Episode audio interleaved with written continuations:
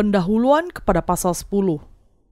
Adakah orang-orang yang sementara mengejar kebenarannya sendiri tidak percaya kepada Injil, air, dan roh? Kitab suci mengatakan bahwa orang-orang yang demikian dengan tidak percaya kepada kebenaran Allah dan justru mengejar kebenarannya sendiri adalah orang-orang yang melawan Allah. Apa yang akan dilakukan orang-orang seperti itu? Apakah Allah merencanakan memberikan kepada semua manusia keselamatan darinya yang adalah kebenaran Allah dan mengutus Yesus Kristus melalui bangsa Israel? Tentu saja. Yesus begitu sangat menghendaki menyelamatkan semua orang berdosa dari dosa-dosanya sehingga ia datang ke bumi ini, disalibkan di kayu salib dan bangkit dari kematian. Ia datang dengan kata lain untuk menyelamatkan semua yang percaya kepadanya. Allah Bapa mengutus Yesus Kristus kepada orang Israel untuk menyelamatkan mereka dari dosa-dosa mereka. Tetapi orang Israel tidak mau menerima Yesus kebenaran Allah. Justru mereka terobsesi oleh pengejaran akan kebenarannya sendiri. Lebih lagi, mereka tidak bisa menerima dia sebagai Mesias bagi bangsa mereka dan juru selamat untuk jiwa mereka. Paulus mengatakan bahwa ada orang-orang yang diutus Allah, dan melalui merekalah Injil yang indah bisa didengar. Injil yang didengar dari para hamba Allah yang diutusnya adalah Injil yang mengandung kebenaran Allah. Anda tidak boleh melewatkan kesempatan ini. Hanya dengan mendengar Injil air dan roh ini yang diberitakan oleh para hamba Allah yang mengenal dan percaya kepada kebenarannya, Anda bisa percaya bahwa Allah sudah memberikan kepada Anda pengampunan dosa dan kebenarannya. Injil air dan roh adalah berita yang paling baik dan paling indah di dunia ini. Berita itu begitu indah dan baik yang sudah menyelamatkan orang berdosa dari segala dosanya. Berita indah ini melengkapi kembali jiwa manusia karena Injil air dan roh yang diberikan Allah memang makanan rohani bagi jiwa. Dalam Injil penebusan yang indah yang diberikan oleh Allah adalah kuasa untuk mengampuni dosa-dosa semua manusia – Injil air dan roh memiliki kuasa berkat untuk memberikan kepada kita damai di dalam pikiran kita dengan pengampunan dosa kita. Berpusat kepada hukum Allah, bangsa Israel sangat sibuk mengejar kebenarannya sendiri. Karena mereka berpikir bahwa kebenaran mereka sendiri berlimpah karena ketaatan mereka kepada hukum Taurat, mereka tidak menerima Yesus sebagai juru selamat mereka. Mereka begitu bersemangat mengejar pekerjaan hukum Taurat sehingga mereka bahkan tidak menoleh kepada kebenaran Allah. Mereka tidak bersedia menerima Tuhan sebagai juru selamat mereka sampai sekarang dan masih berusaha mengejar kebenaran mereka sendiri. Apakah kitab suci menjelaskan bahwa bangsa Israel berbalik melawan kebenaran Allah untuk memantapkan kebenaran mereka sendiri? Berbicara mengenai bangsa Israel yang begitu terobsesi oleh hukum Taurat, Paulus menegur iman mereka dengan mengatakan, "Sebab Kristus adalah kegenapan hukum Taurat, sehingga kebenaran diperoleh tiap-tiap orang yang percaya." Roma pasal 10 ayat 4. Iman legalistik yang mengejar kebenaran diri sendiri bukanlah iman yang benar di hadapan Allah. Ketika bangsa Israel dikuasai keinginan hanya mau mengikuti hukum Taurat Perjanjian Lama, mereka tidak bisa mengerti bahwa Yesus yang menjadi kebenaran Allah adalah juru selamat mereka dan bahkan berbalik melawan Dia. Dalam semangat mereka untuk membanggakan diri mereka sebagai umat pilihan Allah, di mana firman Allah diberikan kepada mereka dan mereka menaatinya, bangsa Israel kemudian menjadi sebuah bangsa yang berbalik melawan kebenaran Allah. Apakah Anda sangat ingin untuk memantapkan kebenaran Anda sendiri? Masalah dengan semangat bangsa Israel menegakkan hukum Taurat adalah karena mereka sangat berkehendak memantapkan kebenaran mereka sendiri. Karena kebenaran mereka sendiri, kebenaran Allah yang ditetapkan oleh Tuhan kita menjadi terabaikan. Akibat dari iman legalistik bangsa Israel adalah mereka akhirnya berbalik melawan kebenaran Allah. Jadi, mereka masih belum menyadari betapa parahnya akibatnya. Apa kebaikan atau untungnya mereka mengejar pekerjaan hukum Taurat yang diberikan kepada mereka? Keinginan mereka untuk mengikuti firman Allah hanya berakhir sebagai hambatan untuk mengenal dan percaya kepada kebenaran Allah. Sekali lagi, kita harus menyadari bahwa semangat mereka yang tidak memiliki pemahaman yang benar mengenai hukum Taurat hanya akan membawa mereka berbalik melawan kebenaran Allah. Kitab suci dengan jelas mengatakan bahwa kepada semua orang yang percaya, Yesus menjadi akhir dari hukum Taurat bagi kebenaran. Tuhan kita menggenapi kebenaran Allah dengan menanggung segala dosa dunia dengan baptisan dan curahan darahnya di kayu salib. Semua untuk menghapus dosa-dosa baik orang Israel maupun orang-orang bukan Yahudi. Dengan itu, Injil air dan roh yang mengandung kebenaran Allah bukan hukum Taurat sudah menjadi sumber ketenangan di padang pasir bagi semua orang berdosa. Injil air dan rohlah yang menghapus segala dosa kita dan menyediakan dukungan yang sungguh kepada kita. Apalagi selain Injil air dan roh di mana orang-orang berdosa di dunia ini bisa menemukan dukungan di dalam hatinya. Di sini, di dalam kitab Roma, Paulus mengatakan bahwa memantapkan kebenaran sendiri tanpa percaya kepada kebenaran Allah adalah dosa besar. Injil yang bagaimana yang akan menjadi Injil yang indah bagi kita? Orang-orang bukan Yahudi? Injil yang mengatakan bahwa Tuhan kita Yesus menanggung segala dosa dunia dengan baptisannya. Injil ini adalah Injil yang tercatat di dalam Matius pasal 3 ayat 13 sampai 17 yang menyaksikan bahwa Yesus menanggung segala dosa dunia. Maka datanglah Yesus dari Galilea ke Yordan kepada Yohanes untuk dibaptis olehnya. Tetapi Yohanes mencegah dia, katanya, Akulah yang perlu dibaptis olehmu, dan engkau yang datang kepadaku? Lalu Yesus menjawab, katanya kepadanya, Biarlah hal itu terjadi, karena demikianlah sepatutnya kita menggenapkan seluruh kehendak Allah. Dan Yohanes pun menurutinya. Sesudah dibaptis, Yesus segera keluar dari air dan pada waktu itu juga Langit terbuka dan ia melihat roh Allah seperti burung merpati turun ke atasnya. Lalu terdengarlah suara dari sorga yang mengatakan, Inilah anakku yang kukasihi, kepadanya lah aku berkenan. Beginilah Yesus menanggung segala dosa dunia ke atas dirinya dengan baptisannya oleh Yohanes. Paulus menegur kaum legalis yang tidak percaya kepada kebenaran Allah dengan bertanya, Siapakah akan naik ke surga? yaitu untuk membawa Yesus turun. Roma pasal 10 ayat 6. Dengan kata lain, pertanyaan ini berarti siapa yang bisa diselamatkan dari dosa hanya dengan menaati hukum Taurat? Tujuan pertanyaan Paulus adalah untuk menggarisbawahi inti bahwa menaati hukum Taurat tidak akan pernah membawa keselamatan dari dosa. Ia mengatakan dengan kata lain bahwa tidak ada yang bisa kita lakukan untuk membersihkan diri kita dari dosa.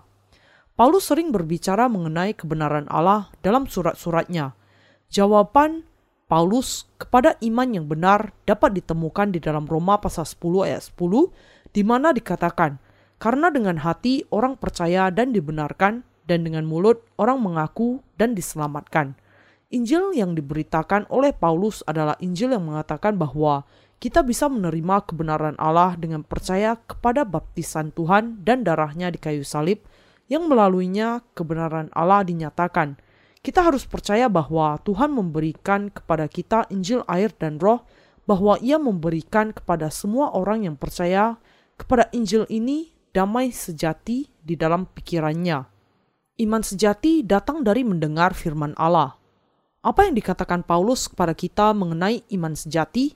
Roma pasal 10 ayat 17 mengatakan, Jadi, Iman timbul dari pendengaran dan pendengaran oleh firman Kristus. Iman sejati dengan kata lain datang ketika kita mendengar Injil bahwa hambanya yang melaluinya Allah berbicara memberitakan firman-Nya. Keyakinan kita akan iman sejati datang dengan mendengar firman Allah. Dan karena itu, supaya menjadi orang-orang yang memiliki iman sejati, kita harus mendengar dan percaya kepada firman-Nya hanya dengan mendengar firman Allah, kita bisa memiliki iman sejati, dan hanya dengan iman ini kita bisa bertumbuh. Inilah sebabnya Allah mengutus kami, hamba-hambanya, yang memberitakan kebenarannya. Ketika kita percaya kepada Injil air dan roh yang diberikan kepada manusia oleh Allah, kita bisa menerima pengampunan dosa dan memiliki ketenangan hati. Pembebasan dari dosa hanya mungkin dengan percaya kepada kebenaran Allah yang darinya kita akan menemukan damai dalam pikiran kita. Tidak pernahkah kita diberitahu bahwa kebenaran Tuhan kita akan menghapuskan semua air mata dan membebaskan kita dari semua sakit dan derita? Tentu saja pernah, dengan percaya kepada kebenaran Injil air dan roh yang diberikan Allah, semua sakit kita akan diangkat. Injil air dan roh adalah berita yang paling indah di dunia ini dan penggenapan kebenaran Allah. Allah mengutus Tuhan kita yang menggenapi kebenarannya kepada bangsa Israel, tetapi yang karena mengejar kebenaran mereka sendiri menolak untuk berbalik kepadanya. Apa kemudian yang dilakukan Allah? Supaya bangsa Israel iri, Allah memberikan Injil penggenapan kebenarannya kepada orang-orang bukan Yahudi Apakah Allah kemudian memberikan kesempatan kepada orang-orang bukan Yahudi untuk percaya kepada Injil, air, dan Roh? Memang Ia memberikan kesempatan kepada mereka untuk percaya kepada Injil, air, dan Roh, meskipun ketika mereka tidak mencari Dia atau menyebut namanya dan lebih jarang menyembahnya dibandingkan bangsa Israel. Inilah sebabnya orang-orang bukan Yahudi bisa menjadi anak-anak Allah dengan percaya kepada berita indah penggenapan kebenarannya ini juga mengapa kitab suci mengatakan bahwa kebenaran Allah dihormati dan dimuliakan di luar bangsa Israel. Berapa banyak orang yang sungguh-sungguh mengucap syukur kepada Tuhan karena ia memberikan kepada kita Injil air dan roh yang sudah menggenapi kebenaran Allah? Tuhan kita sudah menghapus segala dosa dunia dengan Injil air dan roh yang indah. Namun terlalu banyak orang Kristen yang tidak percaya kebenaran ini. Apakah kita kemudian memiliki kebenaran di dalam diri kita yang bisa kita tunjukkan di hadapan Allah? Tidak. Lalu, mengapa kita tidak percaya?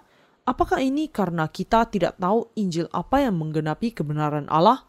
Tetapi mengenal Injil ini sangat sederhana.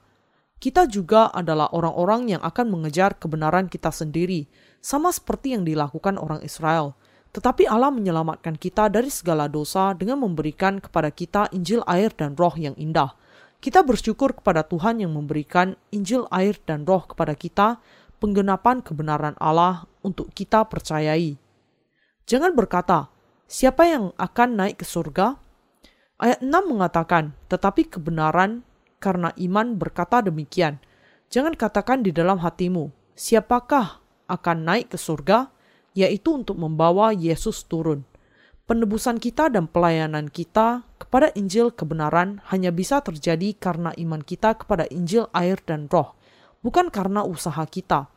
Kalau bukan karena iman kita kepada kebenaran yang menggenapi kebenaran Allah, kita tidak akan menjadi apa-apa selain orang berdosa, sebagai orang legalis yang mengejar kebenaran sendiri yang menjengkelkan Allah.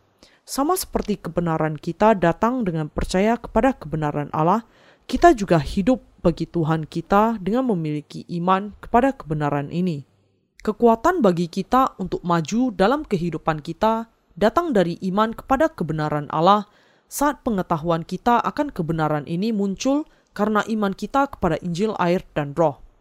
Adakah kebenaran lain selain iman kepada kebenaran Allah bagi mereka yang ditebus? Tidak ada. Hakikat kekristenan adalah berpusatkan kepada iman dan tidak berlebihan untuk mengatakan bahwa keseluruhan isi iman Kristen adalah kebenaran Allah. Mereka yang dibenarkan bisa hidup dan memberitakan Injil dengan iman mereka kepada kebenaran ini. Apakah mereka yang percaya kepada kebenaran Allah kemudian juga menghadapi kesulitan? Ya, tetapi dengan iman kepada kebenaran Allah, mereka bisa mengatasi semua bahaya saat mereka percaya dan yakin bahwa Allah akan membereskan masalah mereka. Kepercayaan yang demikian berasal dari iman kepada kebenaran Allah. Bagaimana dengan iman lain yang tidak mencakup kebenaran Allah? Apakah mereka itu iman jenis yang salah yang didasarkan kepada perbuatan manusia? Benar sekali, iman mereka yang percaya kepada Yesus tanpa percaya kepada kebenaran Allah bukan iman yang benar. Dapatkah Anda dan saya ditebus dari dosa-dosa kita tanpa terlebih dahulu percaya kepada kebenaran Allah? Bisakah kita beriman kepada Allah tanpa beriman kepada kebenarannya? Keduanya sangat tidak mungkin. Kekuatan orang benar untuk melayani Tuhan datang dari kuasa Roh Kudus yang diberikan kepada mereka sebagai anugerah untuk iman mereka kepada kebenaran Allah. Bisakah Anda hidup di dunia ini hanya dengan kekuatan Anda atau milik duniawi Anda? Bisakah Anda menemukan damai pikiran dengan semuanya itu? Kita bisa melayani Injil dengan damai dengan percaya kepada kebenaran Allah. Mereka yang melayani Injil air dan roh memiliki iman, keberanian, kekuatan, dan damai. Orang benar yang tidak melayani Injil air dan roh, penggenapan kebenaran Allah tidak memiliki damai dan keberanian. Apakah pikiran orang benar membutuhkan keberanian? Ya, mereka membutuhkan damai bukan hanya untuk memberitakan Injil air dan roh, tetapi juga untuk menghidupi kehidupan mereka sampai tingkat sepenuhnya. Apakah pikiran Anda damai? Kalau Anda hidup untuk diri Anda sendiri, tidak akan ada alasan untuk damai di dalam pikiran Anda bertumbuh. Mengapa Anda akan membutuhkan damai atau iman kalau yang Anda butuhkan untuk memenuhi keinginan daging hanyalah hidup dalam daging? Tetapi kalau Anda melayani Allah, damai di dalam pikiran Anda juga perlu bertumbuh. Untuk melayani Injil yang menggenapi kebenaran Allah, iman dan damai Anda harus dan memang akan bertumbuh. Mereka yang percaya kepada Injil kebenaran Allah bertanggung jawab untuk menyebarkan damai mereka ke seluruh penjuru dunia.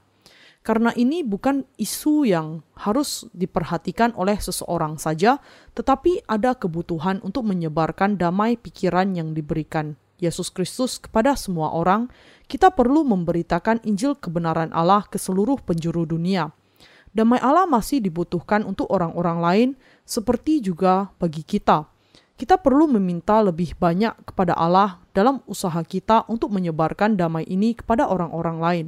Ketika kita hidup untuk mengabarkan kebenaran Allah, damai pikiran kita selalu akan bertumbuh dan kita akan menemukan tujuan kehidupan kita yang sangat jelas dan berharga. Kalau Anda mau belajar damai sejati yang diberikan oleh Allah, Anda perlu tahu dan percaya kepada Injil yang menggenapi kebenarannya. Anda perlu mengalami sendiri damai pikiran yang dipersiapkan Allah bagi Anda.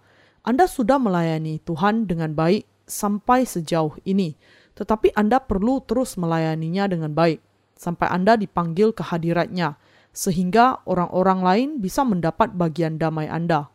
Ketika Anda mencari damai dengan iman Anda kepada kebenaran Allah, orang-orang yang percaya yang mengikuti jejak Anda kepada penebusan juga bisa hidup bagi damai orang-orang lain. Mereka yang muda dalam iman adalah orang-orang baru dalam perkara iman dan terbatas kemampuannya untuk memahaminya. Tetapi ketika kita hidup oleh iman kita, mereka yang di belakang kita, meskipun membutuhkan waktu, akan pada akhirnya sampai kepada pemahaman mengenai bagaimana orang-orang yang ditebus menjalani kehidupannya dalam damai dengan mengikuti jejak langkah kaki iman kita. Apakah Anda menemukan kesulitan untuk mengajar mereka yang mengikuti perjalanan Anda untuk hidup oleh iman? Mengajar untuk kehidupan yang demikian tidak terjadi hanya dalam jangka waktu satu malam mungkin perlu waktu yang sangat lama sebelum Anda bisa membawa mereka kepada jenis iman yang dibutuhkan untuk kehidupan damai. Tetapi pada waktunya mereka yang sudah ditebus dengan percaya kepada kebenaran Allah akan belajar hidup dengan damai seperti orang-orang beriman, sama seperti orang percaya yang terdahulu yang melayani Allah menemukan damai pikiran darinya dengan belajar dari kita yang sudah menjalaninya. Anda dan saya kita semua harus hidup oleh iman di dalam kebenaran Allah. Orang benar harus hidup oleh iman mereka kepada firman. Kehidupan kita di masa sekarang dan masa yang akan datang harus ditentukan oleh iman. Kitab suci bertanya kepada kita, bagaimana mereka mendengar tentang dia jika tidak ada yang memberitakannya? Roma pasal 10 ayat 14. Karena kita percaya kepada kebenaran Allah, kita harus memberitakan Injil kepada dunia.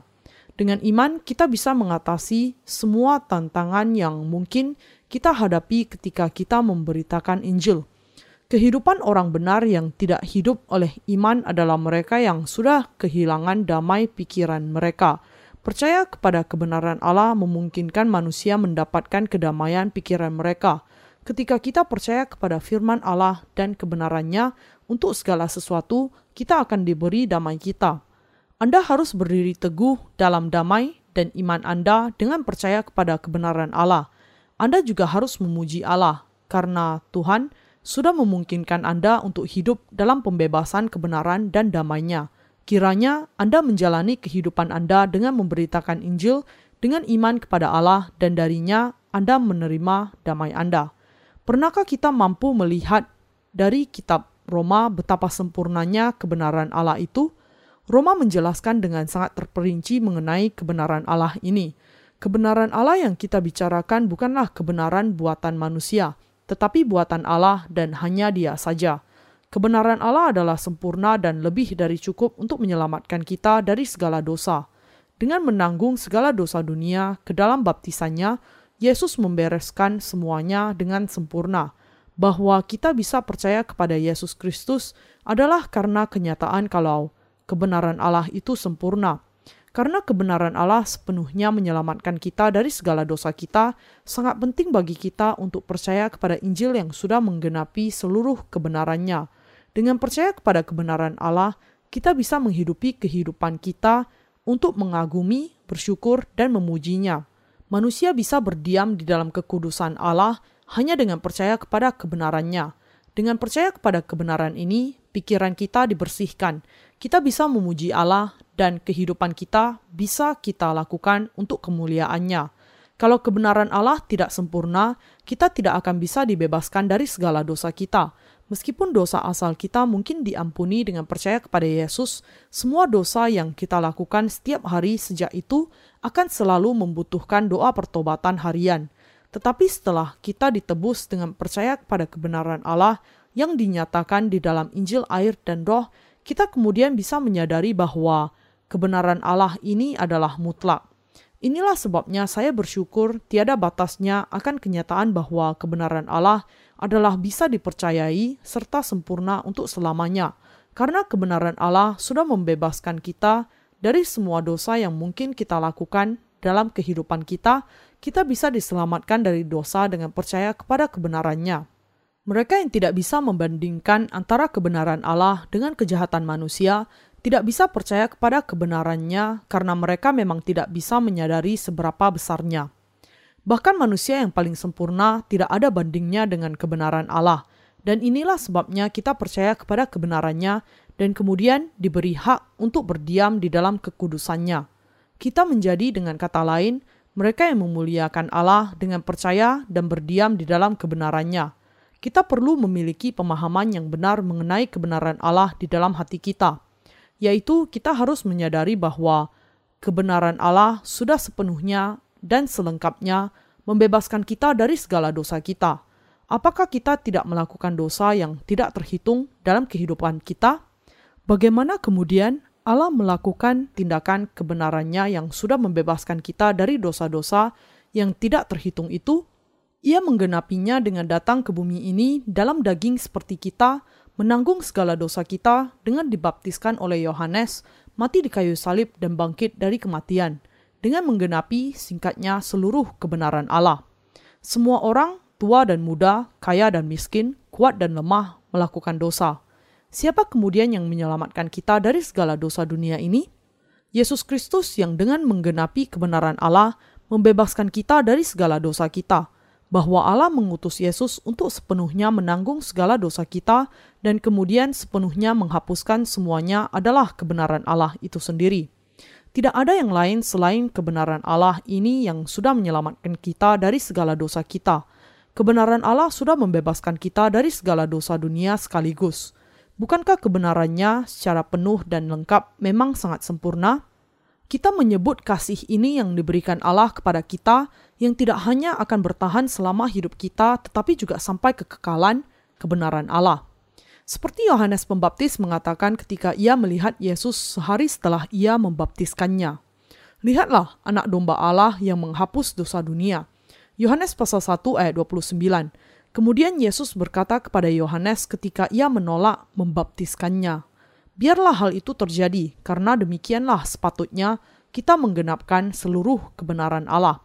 Matius pasal 3 ayat 15. Apa arti bagian ini? Artinya adalah kebenaran bahwa baptisan Yesus dan kematiannya di kayu salib adalah kebenaran Allah itu sendiri.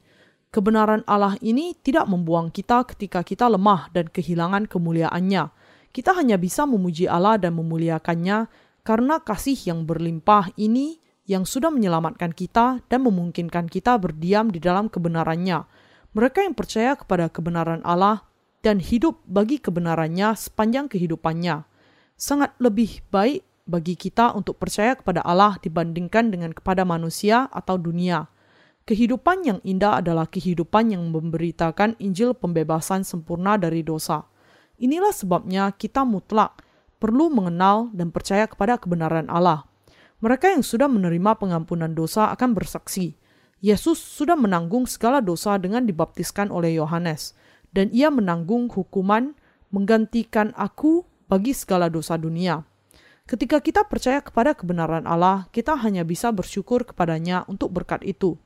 Ketika Anda tersandung karena kelemahan Anda, jatuh ke dalam dosa karena daging, atau ketika Anda putus asa dan malu atas dosa-dosa Anda, pandanglah kepada kebenaran Allah yang sudah menjadikan Anda lengkap.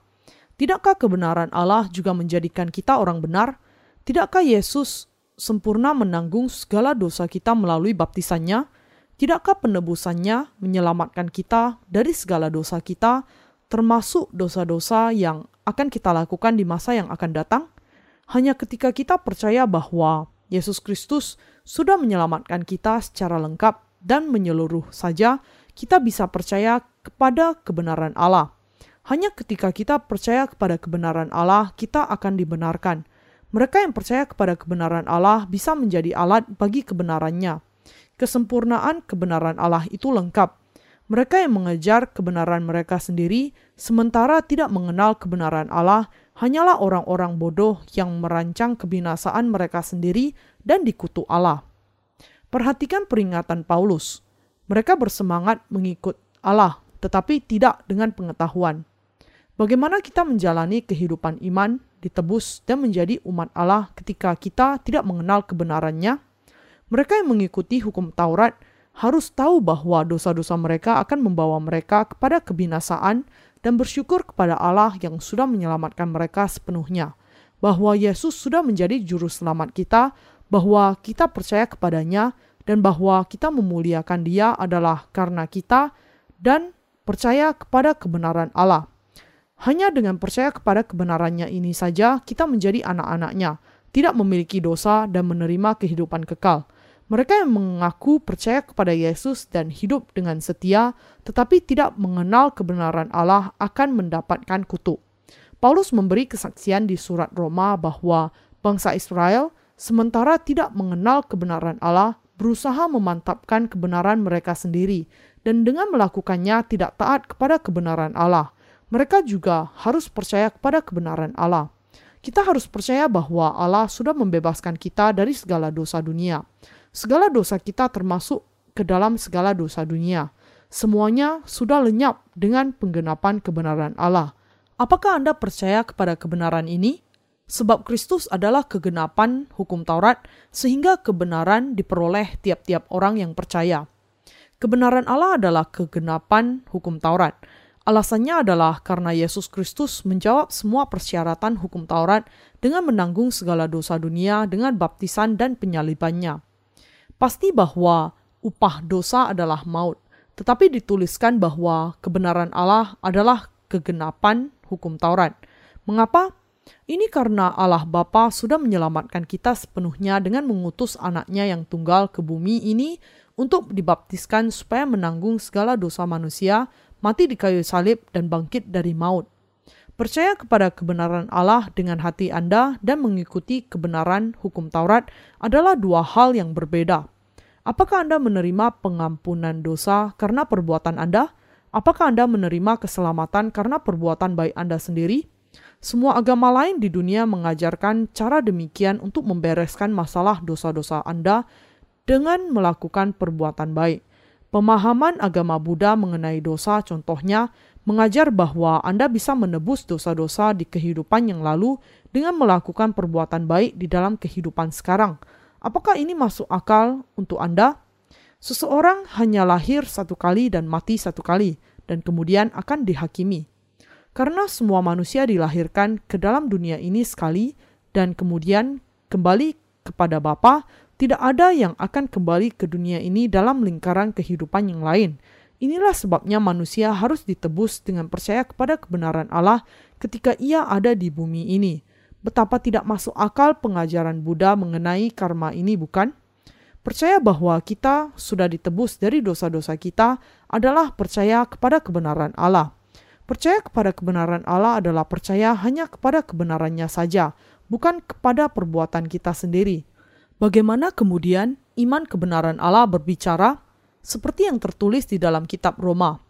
Ia berbicara demikian, Jangan berkata di dalam hatimu, siapa yang akan naik ke surga? Ini karena Kebenaran Allah ditemukan dengan percaya di dalam hati seseorang, bukan dengan kekuatan fisik. Kita menjadi anak-anak Allah dan manusia tidak berdosa yang menerima kehidupan kekal dengan percaya kepada kebenaran Allah. Karena kita tidak menyelesaikan dosa kita sendiri, tidak peduli bagaimanapun baiknya perbuatan kita, usaha kita hanya akan menjadikan semakin banyak dosa di hadapan Allah. Inilah sebabnya kita harus membuang iman yang demikian dan justru hanya percaya kepada kebenaran Allah untuk mengejar kebenarannya. Beberapa orang bertanya, tidak bisakah kita diselamatkan hanya dengan percaya kepada Yesus meskipun kita tidak mengenal kebenaran Allah? Tidakkah ada tertulis bahwa siapa saja yang berseru memanggil nama Tuhan akan diselamatkan? Tetapi keselamatan tidak hanya datang sekedar karena menyebut nama Yesus tetapi dengan mengenal dan sepenuhnya percaya kepada kebenaran Allah. Siapa saja yang percaya kepada kebenaran Allah tidak akan merasa malu. Ayat 11 mengatakan, barang siapa yang percaya kepada dia tidak akan dipermalukan. Apa arti bagian ini? Siapa saja yang percaya kepadanya tidak akan dipermalukan karena ia percaya kepada kebenaran Allah. Barang siapa yang percaya kepadanya menunjuk kepada orang yang percaya kebenarannya. Bagaimana dengan bagian Barang siapa memanggil nama Tuhan akan diselamatkan. Roma pasal 10 ayat 13. Ini berarti bahwa mereka yang mengenal dan percaya kepada Injil air dan roh memanggil nama Yesus saat mereka percaya kepada dia sebagai Allah Juru Selamat. Saat kita menerima keselamatan kita melalui kebenaran Allah, kita percaya bahwa penebusan kita diberikan dengan percaya kepada kebenaran ini. Tanpa iman ini, dengan kata lain, tidak peduli berapa banyak kali kita memanggil nama Yesus akan sia-sia. Kita tidak akan diselamatkan dari dosa kita, karena kitab suci secara keseluruhan berbicara mengenai kebenaran Allah di dalam Yesus, memanggil nama Tuhan saja tidak akan membawa penebusan bagi kita. Alkitab mengatakan mengenai kebenaran Allah sejak awal, seperti yang tertulis di dalam kitab Kejadian. Allah meletakkan pohon pengetahuan yang baik dan buruk di Taman Eden, dan melarang Adam dan Hawa memakan dari pohon pengetahuan itu. Yang dilakukan Allah adalah menuntut adanya iman mereka kepada firman-Nya. Allah dengan cara lain mengharapkan agar mereka makan buah kehidupan untuk mendapatkan kehidupan kekal. Firman Allah mengatakan, orang benar akan hidup oleh iman.